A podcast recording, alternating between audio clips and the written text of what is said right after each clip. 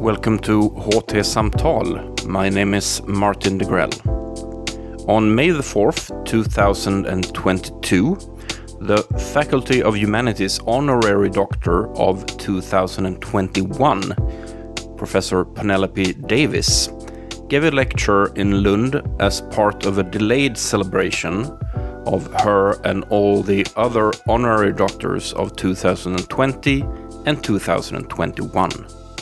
We will now hear that lecture, and Professor Davies is introduced by Dr. Lovisa Brännstedt.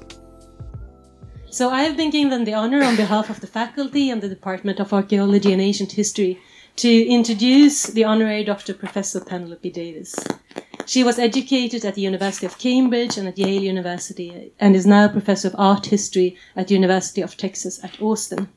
Her research focuses on public monuments and architecture in Rome, and she is the author of monographs such as Death and the Emperor and Architecture and Politics in Republican Rome.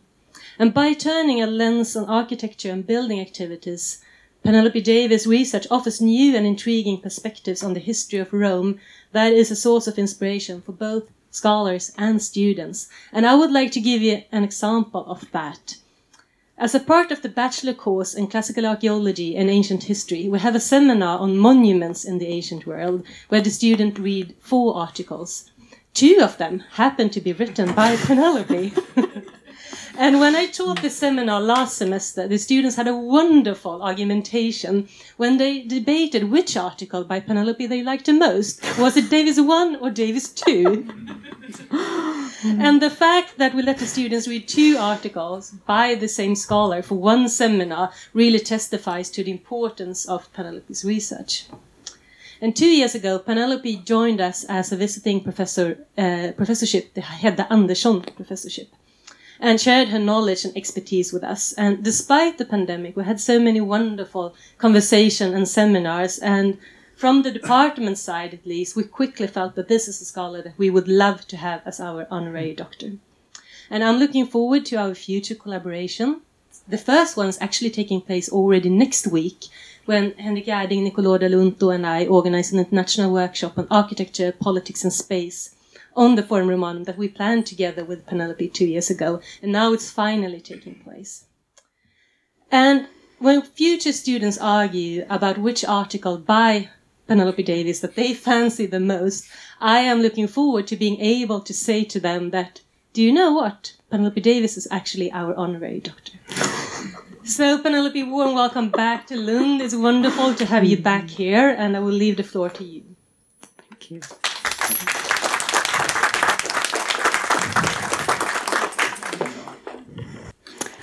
Oh, Lovisa.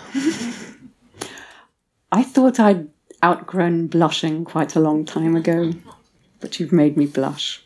Thank you. What a lovely introduction. I'm so touched. I also can't begin to describe my pleasure at being back here. It was an extraordinary visit for all kinds of reasons, a very, very happy visit two years ago, and then extraordinary because it was then cut short. Um, but I have such fond memories and feel a strange and indescribable attachment to this place. And um, on receiving this honor, I was excited and humbled beyond words. Thank you. Thank you all. I'm so happy to be back. What I'm going to do today, in fact, is to talk about my research, so I hope that's all right. Um, I hope that it, I've made it vaguely understandable, if not um, to myself, at least to you. Structural engineering is the science and art of designing and making, with economy and elegance, buildings, bridges, frameworks, and other similar structures so that they can safely resist the forces to which they may be subjected. So states every issue of the Journal of the British Institution of Structural Engineers. Before aesthetics or ideology, one premise is central to any design hypothesis. A structure will not fail if it is used as intended. Still, failure happens, and it's not entirely undesirable.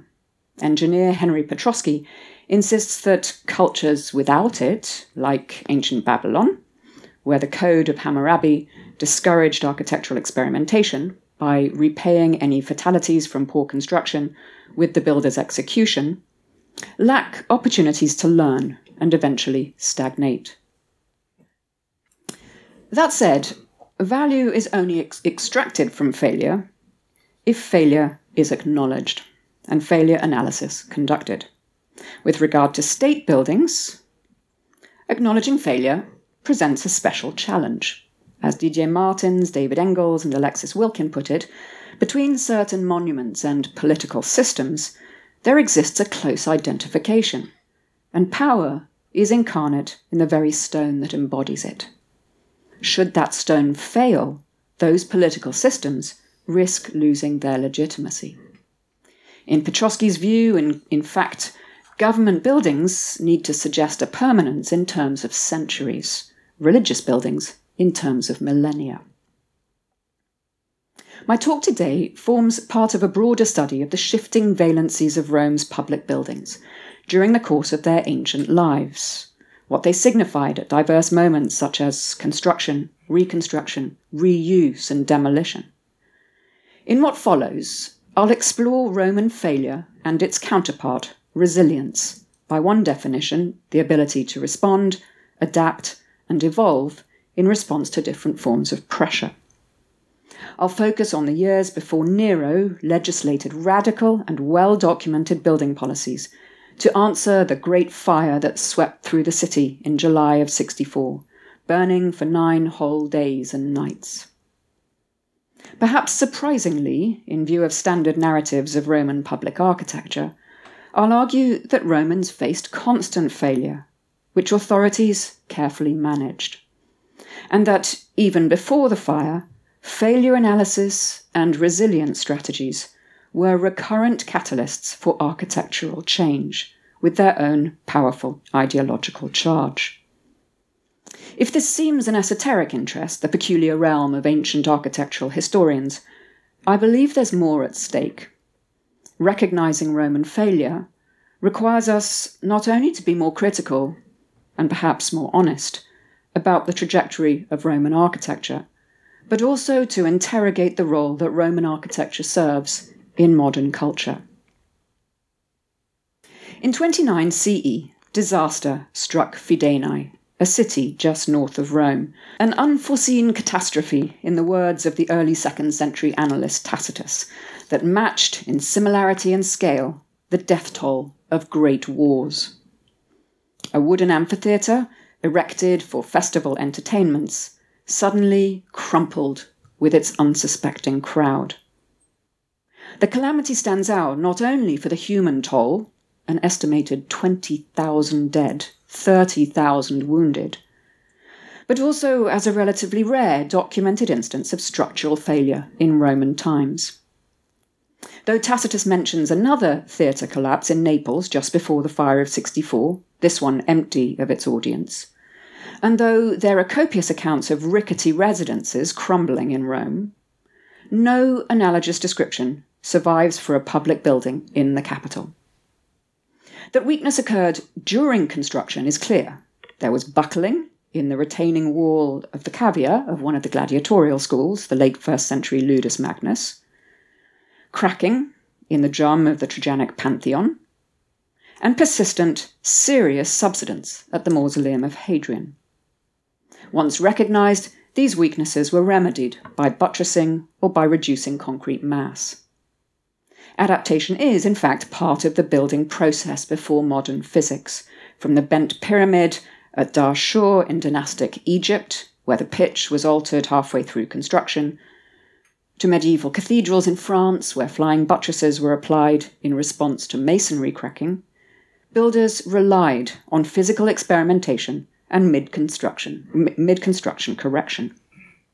But post construction failure of public buildings, as at Fidenae or Naples, or in Constantinople, where the dome of Hagia Sophia collapsed in 553, this is a different matter, And while architectural historians, Lynn Lancaster, Gian Giacomo Martines, Mark Wilson Jones, believe it happened in Rome, they find no evidence to support their conjecture.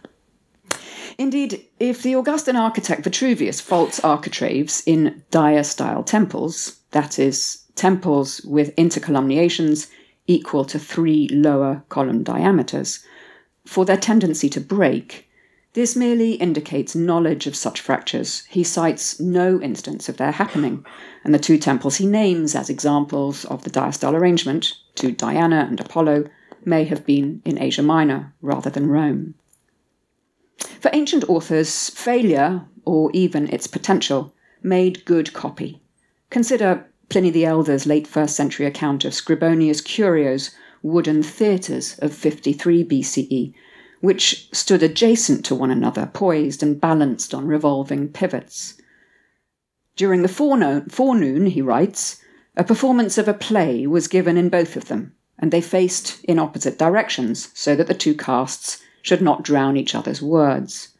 Then, all of a sudden, the theatres revolved, and it's agreed that after the first few days they did so with some of the spectators actually remaining in their seats.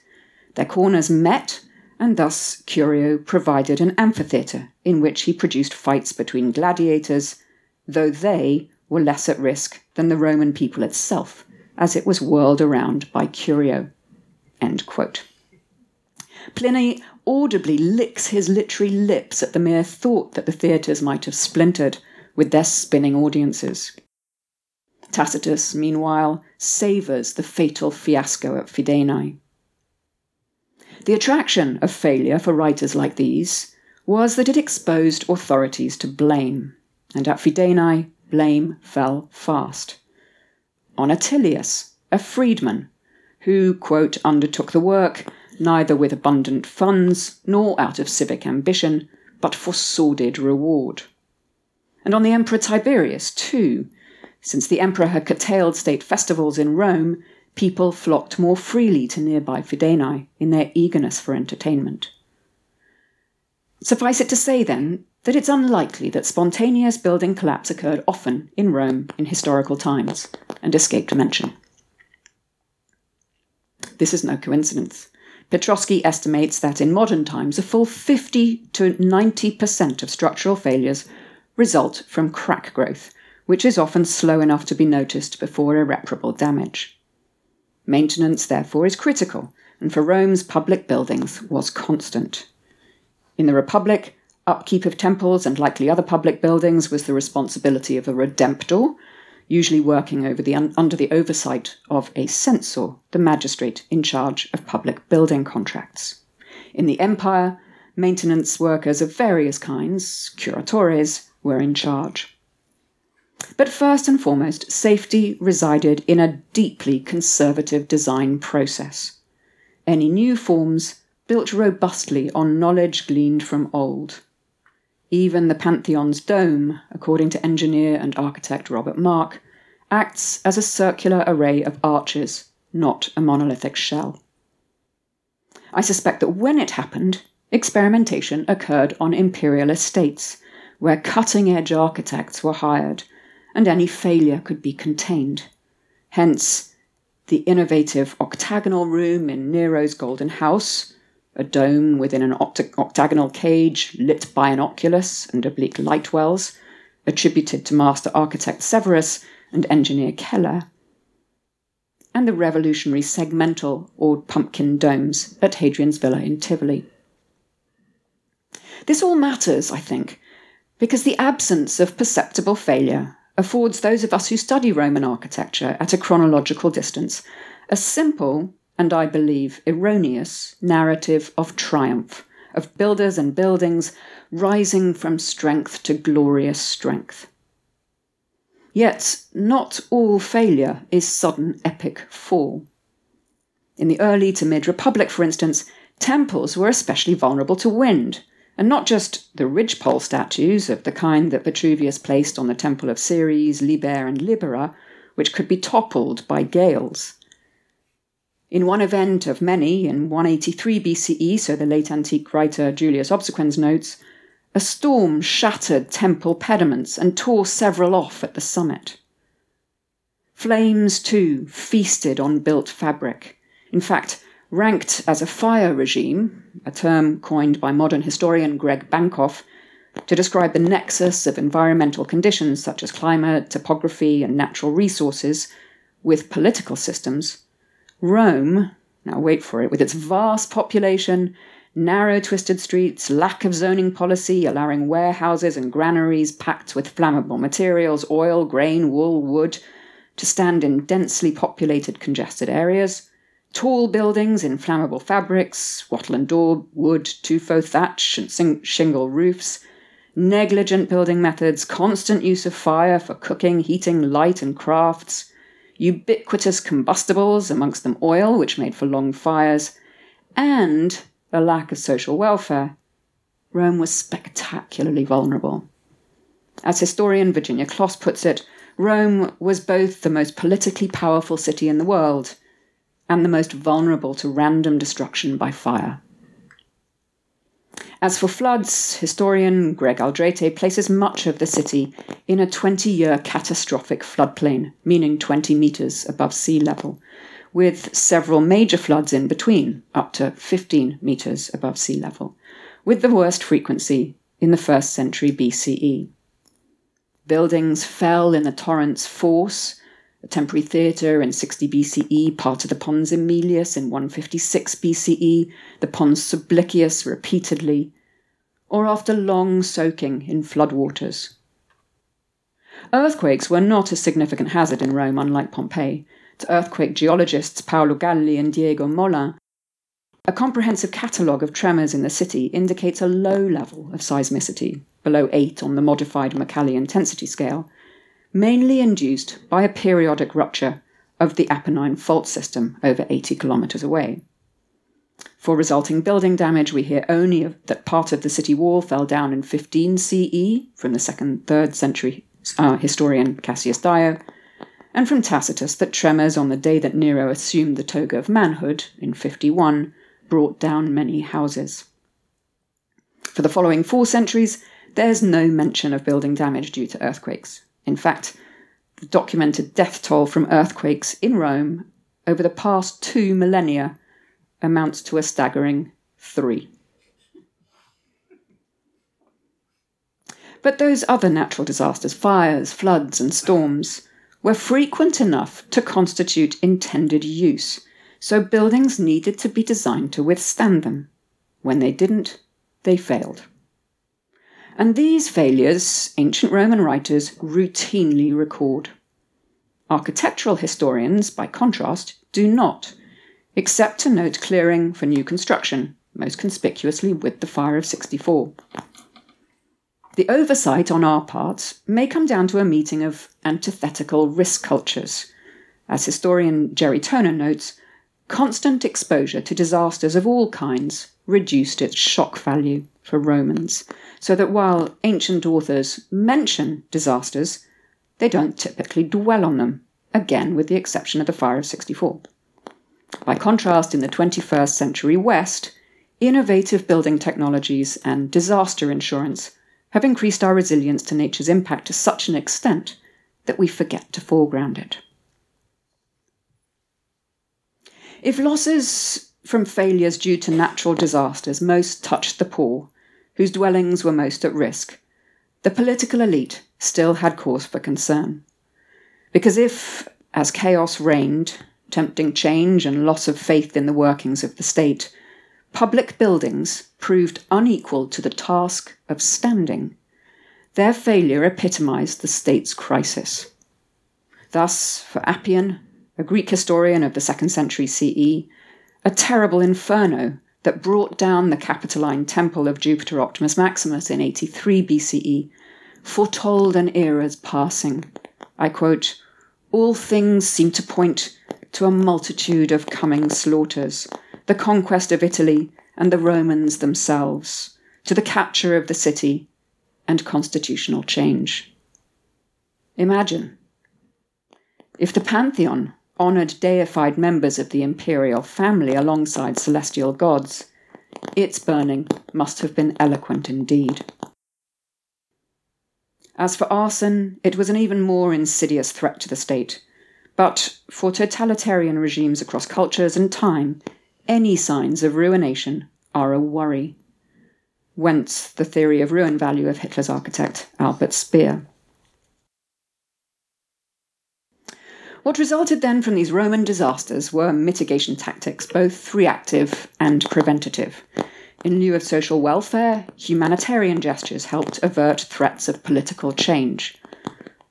After a fire on the Caelian Hill in 27 CE, for instance, Tiberius held critics at bay through money distributions in proportion to loss sustained. And even though, as urban design analyst Lawrence Vale notes, few, if any, natural disasters are wholly natural in origin, but deeply implicated in societal choices on infrastructure location, residential development patterns, and disaster recovery priorities, the characterization of storms, fires, except arson, and floods as acts of the gods whom Romans should unite to appease exonerated the political, the political elite for failures that resulted from those disasters. A similar phenomenon is evident on the battlefield, according to historian Nathan Rosenstein, by casting military defeats as divine acts, generals shielded themselves from blame for poor leadership. What often followed natural disasters too was rapid rebuilding, but not, it seems, before a crucial intermediate step conscientious assessment of what went wrong. Failure analysis. This much emerges from Tacitus's account of the Fidenae collapse. The building's behaviour is assessed, how it rushes inward or is poured out into the exterior parts. It drags headlong and buries an immense force of people, including those attending the spectacle and those standing around the amphitheatre. So too is its faulty design, insufficient foundations, and poor joints in the framework unintended use is recognized. More spectators than anticipated, leading to graver, graver destruction. Further to analysis, measures are taken to avoid recurrence. A senatorial decree on minimum property ownership for those sponsoring entertainment, and that amphitheatres should only be placed on ground of proven solidity. Attilius's exile provided a deterrent, but not as extreme as the capital punishment mandated by Hammurabi that might have discouraged innovation. Insistent on durability, firmitas, as well as utility and beauty, utilitas and venustas, Vitruvius's text tends to support this. His exposition on building materials, in fact, is predicated precisely upon failure analysis and an urge for resilience. He rates different stones not for visual appeal, but for resistance to the elements. In his view, soft stones can sustain stress in covered areas, but if placed in the open, quote, once they've been saturated with ice and frost, they crumble apart and dissolve. Travertine and similar stones withstand the strains of harsh weather, but not fire. In his assessment, Anician stones had, quote, endless virtues, for neither freezing storms nor the touch of fire can hurt them. They are firm and last to a great old age because they have little air and fire in their natural composition, a moderate amount of water, and a very great deal of earth. If these quarries were nearer the city, he continues, it would be fitting that all work be completed in these very workshops. As for styles of concrete masonry, the net like opus reticulatum though more attractive, quote, is inclined to split apart because it has discrete seams and junctures in every direction. Rubble in opus incertum, shown at the bottom here, he states, with stone sitting upon stone and sloping every which way, affords a masonry that is not pretty, but is more durable. And lambasting opus craticium, a technique similar to wattle and daub used in non elite apartment blocks or insulae, for appalling flammability, he distinguishes masonry styles so that buildings know, quote, the principles of what makes for permanence. As for applied knowledge, evidence is overwhelming. Geologists Marie Jackson and Fabrizio Marra document different types of stone within different phases of buildings, deployed according to strength, and you can see that in this slide here. And just one case among many, lamenting the absence of a framework for the concept of resilience in the study of ancient architecture, archaeologists Stefan Zink, Jens Pflug, and Monica Ceci recognize a 2nd century BCE raising of the podium at Temple A Largo Argentina as a damage prevention measure after inundation. Now, it's a commonplace to note that essential early Italic building forms, as seen in the early 5th century BCE Temple of Castor in the Forum, protected against weathering that weakens. Generous podia and eaves shielded the walls, terracotta plaques sheathed the wood, and sticks, thick stone facing kept underlying fabric from exposure due to erosion. But if it seems self evident that Romans should analyze structural failure and design for resilience, architectural historians tend not to, char- not to characterize these impulses as catalysts in the evolution of their architecture until the fire of 64. The result, perhaps, of a mid 19th century divorce between engineer, master of scientific method, and architect, master of aesthetics, often in the service of ideology. Yet, if we step back from the particular to the general, the slightest shift in our perspective on three notable waves of Roman architectural and urbanistic development suggests failure analysis and resilience were, in fact, a powerful force for change, alongside aesthetics and intertwined with ideology. First is a broad move toward Greek design in Roman architecture, which gained steam, I've argued elsewhere, with a late 4th century BCE temple of Victoria on the Palatine, sponsored by one Postumius Megellus. With this move, wooden entablatures, as seen on the early 5th century BCE temple of Castor, were exchanged for stone, set on columns that stood much closer together. Alae, the wings or corridors that sometimes flanked a temple's central chamber, as in the twin temples of Fortuna and Matuta in the Mater Matuta in the Forum Boarium of the early 4th century BCE, these were discontinued. The open pediment, with a recessed tympanum wall and a sloped and tiled floor, was closed, and sculpture placed in its gable ridgepole statues were discontinued. For architectural historians, these changes are aspirational. They evoked the rich culture and monumentality Romans encountered in Greek metropolis, first in South, South Italy and Sicily, and later in the Eastern Mediterranean. But when viewed in the context of resilience, stone was also more durable than wood, which was vulnerable to damp even when sheathed in terracotta, and much less flammable and Greek design was altogether more storm resistant. When strong winds encounter a building, eddies form above the roof and generate a vacuum that pulls upwards. Other blasts entering pockets in a building, alae or an open pediment, exert upward pressure. Combined, these forces rip off roofs. Today, insurers urge their clients to seal doors and windows when storms loom. In fact, Roman architects did not adopt Greek styles wholesale, but picked and chose, implementing the more resilient aspects of Greek design, rejecting the less resilient. They steered clear, for instance, of the low Greek crepidoma or platform, and retained the high Italic podium that protected against the Tiber's rising. A second wave came in the late 2nd century BCE with the exploitation of concrete a mix of aggregate and mortar strengthened by pozzolana. Rationales for this abound, many of them economic. Architectural historian Janet DeLaine points to concrete's strength and low cost. The materials themselves were inexpensive, and working the fabric demanded less skill than stone masonry. Archaeologist Marcello Mogetta sees it as a means of using up demolition or quarrying waste, while historian Miko Flohr contends that it answered enormous continuous demand for new buildings as Rome itself transformed into a massive Mediterranean metropolis, and its population quickly quadrupled.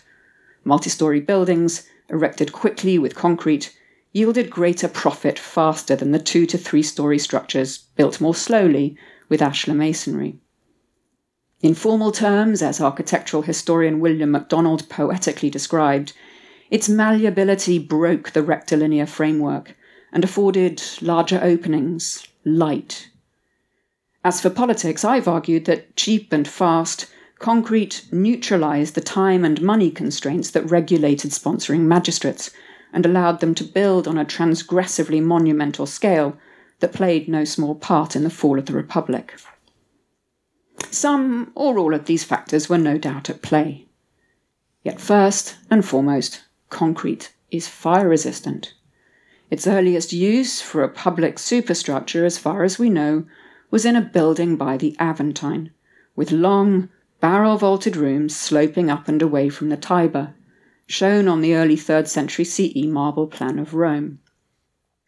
A partial label on the, on the plan long convinced scholars to see it as a warehouse, the Porticus Aemilia, of 193 BCE, as overhauled in 174.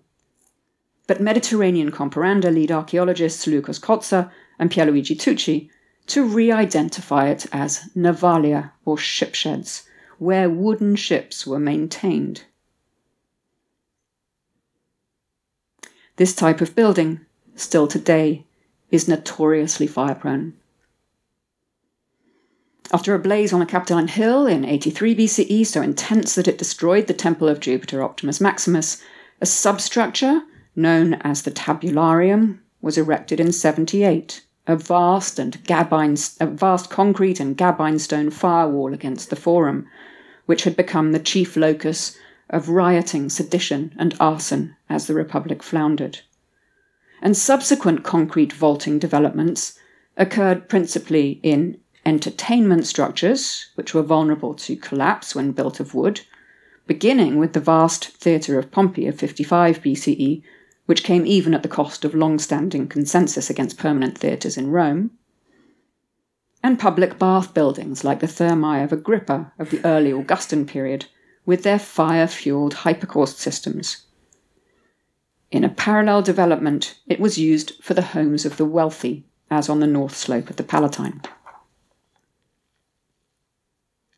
The third wave, the vast urban change that took place under Julius Caesar and Augustus, can barely be glanced at here, except to recognize a fledgling shift in scale from an engineering definition of resilience, the stability and robustness of individual buildings, to an ecological definition, the long term viability and nature of ecosystems. If in most scholarship, on the second half of the first century BCE and the first half of the first century CE, systematic administrative change and urban maintenance take a back seat to new construction, like the Fora of Caesar and Augustus, they were in some respects more innovative. Centralizing control, absorbing building mandates that had, for almost all of the Republic, been distributed between different magistrates, both Caesar and Augustus made proactive assaults on urban safety.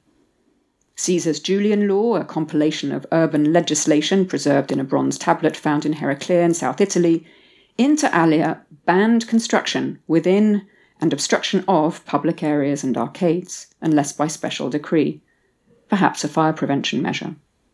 His plan to divert the Tiber westwards would have minimized flood damage Augustus's embankments had the same goal, as probably did the artificial lakes excavated for mock sea battles, or now naumachiae, after Caesar and Augustus.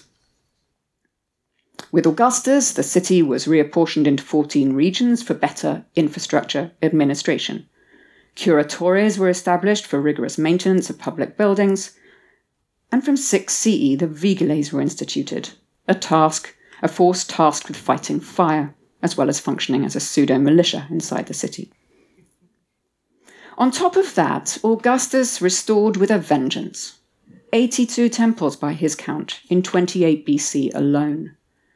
So extensively did he exploit Carrara marble from northern Italy for these restorations, as well as for new construction, that writing in the early 2nd century CE, the historian Suetonius records, in perhaps the most quoted phrase in all of Latin literature, that he boasted, not without reason, that he founded Rome a city of brick, but left it a city of marble.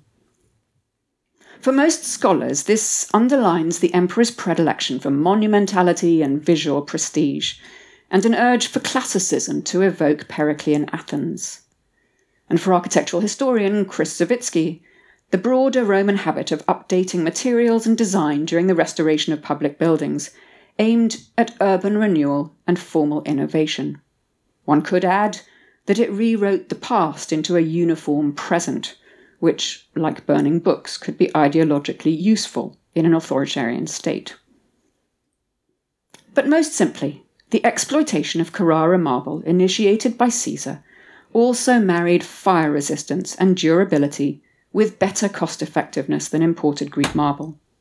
In fact, the habit of updating materials and design during restoration, probably driven by failure analysis and resilience strategies, introduced newer safety technologies.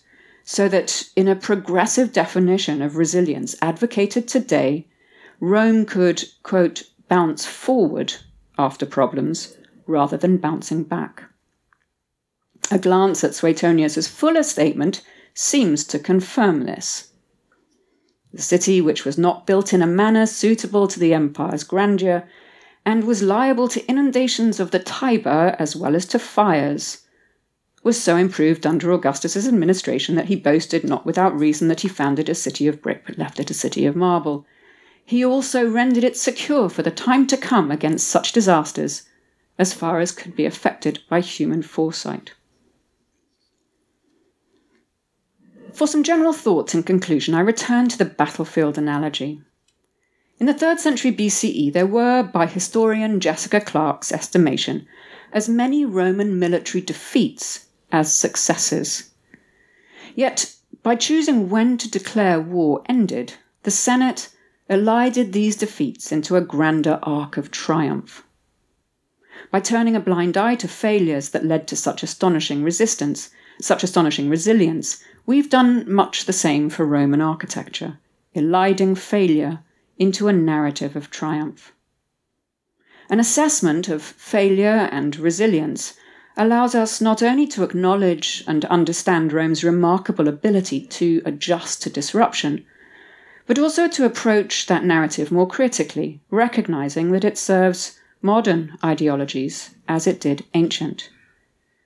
In fact, divorcing engineer from architect, we fail to acknowledge that resilience is itself not only an aesthetic goal, but also deeply ideological.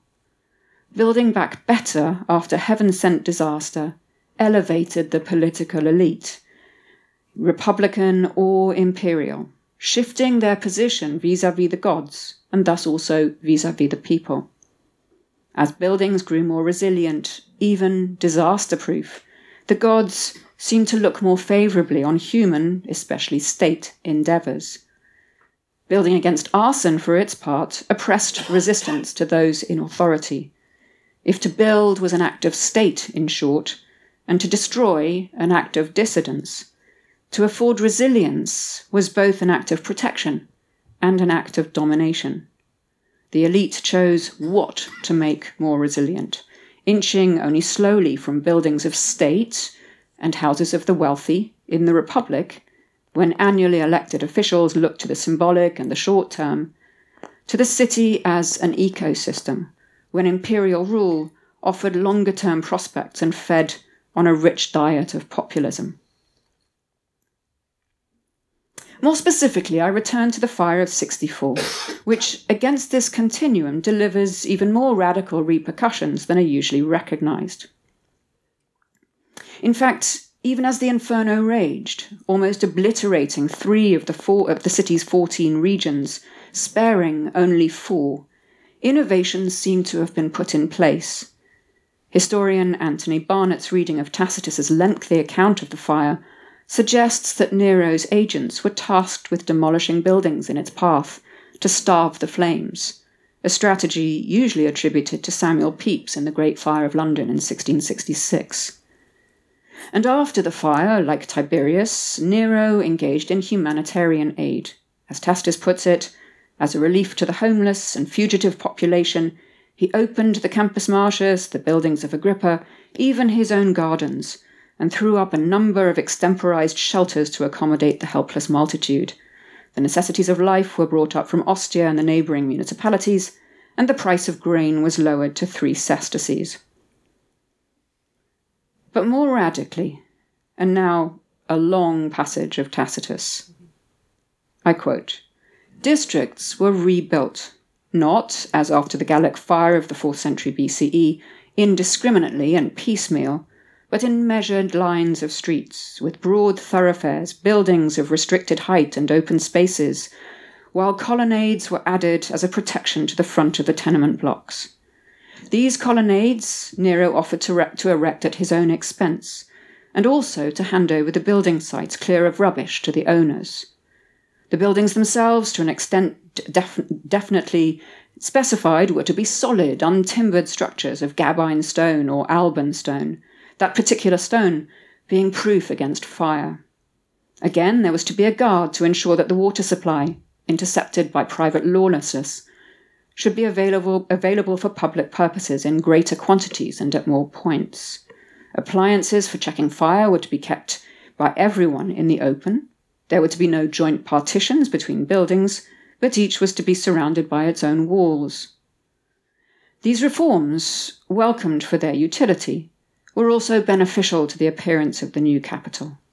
Still, there were those who held that the old form had been the more salubrious, as the narrow streets and high built houses were not so easily penetrated by the rays of the sun, while the now broad expanses, with no protecting shadows, glowed under a more oppressive heat. For Barrett, the fire's urban destructions were Nero's political undoing, from which he never recovered. Declared a public enemy by the Senate, four years later he took his own life. But Tacitus's account, especially the last sentences, offers a glimpse of another dynamic as well. Nero's measures after the fire ordered streets, broad thoroughfares, open spaces, untimbered insulae with concrete vaulting, fireproof facing, and porticos for firefighting were radically progressive in political terms. They extended resilience, once the privilege of the elite, into the lives of the poor. His regime's recognition of failure, in other words, its failure analysis and strategies for resilience, narrowed the yawning chasm of social inequity between elite and non elite in a starkly hierarchical society, and in doing so, played perilously into the emperor's fall in the eyes of the elite. Thank you.